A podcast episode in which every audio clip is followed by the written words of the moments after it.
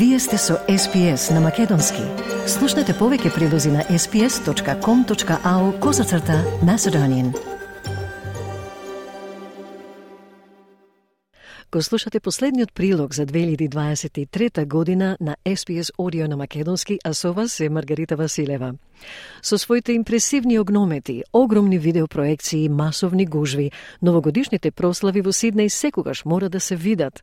Пријавени 425 милиони луѓе ги гледаат ширум светот, а за последните подготовки известува Елен Ли за SPS News.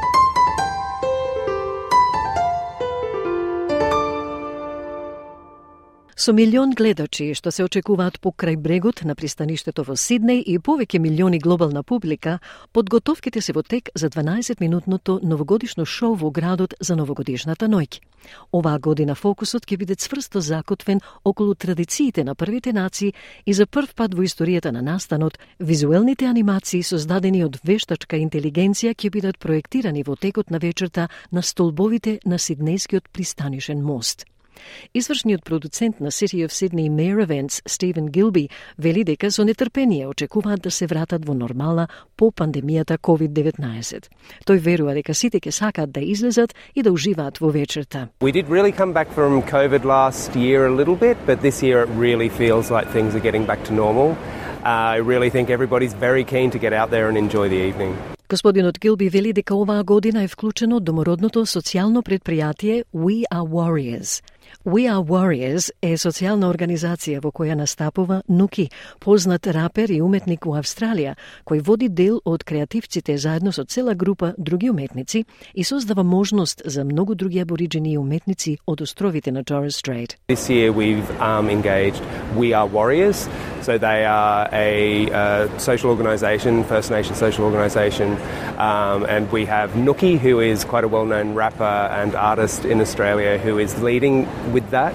And he's performing some of the music, he's really driving some of the creative along with a whole bunch of other artists. And it, it really creates an opportunity for a lot of other Aboriginal and Torres Strait Islander artists to have a platform and to be employed through this project and to really recognise that we are here on Gadigal land in Sydney, we are on Aboriginal land, and we are celebrating that living culture that is here and really deserves to be recognised on that global scale. За да започне вечерта ќе се одржи церемонија на три чамци за да се исчисти пристаништето од негативните духови во подготовка за новата година, вели тој. Изведена од групата Tribal Warrior Association, церемонијата користи лисија од еукалиптус за прочестување и обединување и оддавање почит на традиционалните чувари на земјата, минати и сегашни. Потоа во 21 часот ќе има проекција на столб создадена од We Are Warriors и илустраторката Дженел Берга ќе се фокусира на приказни кои се пренесуваат од генерација на генерација за да се задржат домородната култура и идентитет. Основачот на We Are Warriors, Ноки, вели дека централната тема е дека во Австралија луѓето никогаш не се надвор од земјата, а каде и да одат, тоа е земја на абориджените. Тој вели дека тоа е целосен приказ на црната извонредност и величина, а во центарот на вниманието е домородниот народ и неговите достигнувања, додека се следат чекорите на домородната традиционална церемонија на повикување на земјата која го активира просторот, вели раперот Ноки. I think it's a, you know, a full-on display of black excellence and greatness. We're putting a spotlight on our people and the achievements of our, our people. Um, while following the, the steps of a traditional ceremony of calling country, which is activating the space before you know you, you do what you got to do. So yeah, that's kind of what you can expect. You can expect some 3D visuals, some uh, 2D visuals um, from a Nunga illustrator, Janelle Berger. Um, and yeah, we just really tried to go all out and make something uh, that everyone will remember. Во изминатите 27 години, Фортунато Фоти и неговата екипа го организираат Огнометот. Полноноќниот и главниот приказ ќе бидат лансирани од пет градски покриви со 18.000 посебни знаци кои ќе го синхронизираат огнометот со музичка нумера.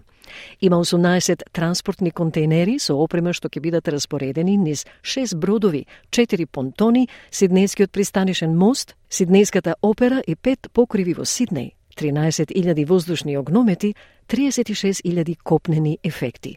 11.000 километри кабел што ќе го поврзе огнометот со системот за палење што се поврзува со саундтрекот. За успешна новогодишна ноќ има екипа од 50 луѓе кои работат во текот на 10 дена, подготвувајќи ја секоја од локациите за да се осигура дека новогодишната ноќ ќе заврши на полноќ.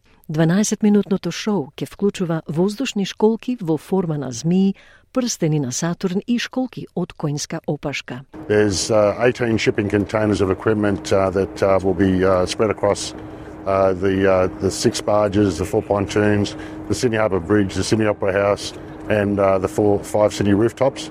Um, 30, 13,000 aerial fireworks, 36,000 ground-based effects.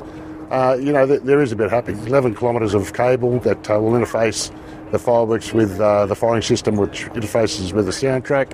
So there's a bit happening. There's a lot of work that goes involved in logistically to make New Year's Eve happen. And, uh, you know, we'll have a crew of 50 people working over the 10 days, uh, prepping each of the locations to make sure New Year's Eve goes off at midnight. Тој вели дека целта е секоја година шоуто да биде подобро од минатата. With the soundtracks, it's centered around the revolving around the sun. It's like revolving into a into a new year, and um, uh, the, the, fireworks will, ref- will, will reflect, reflect that, uh, as well as uh, some of the designs on the Sydney Harbour Bridge uh, revolving around. So you can just imagine what we'll be doing, and uh, you know we're looking forward to it. It's uh, it's our 27th New Year, so.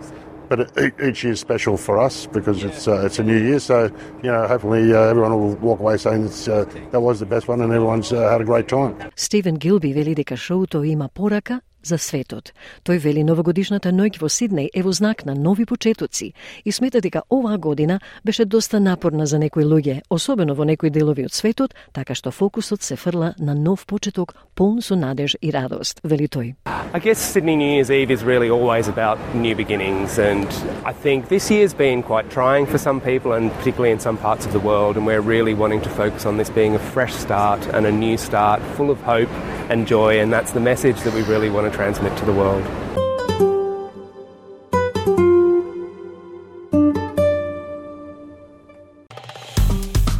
Stisnite mi se dopaja, spodelajte, komentirajte. Sledite ja SPS na makedonski na Facebook.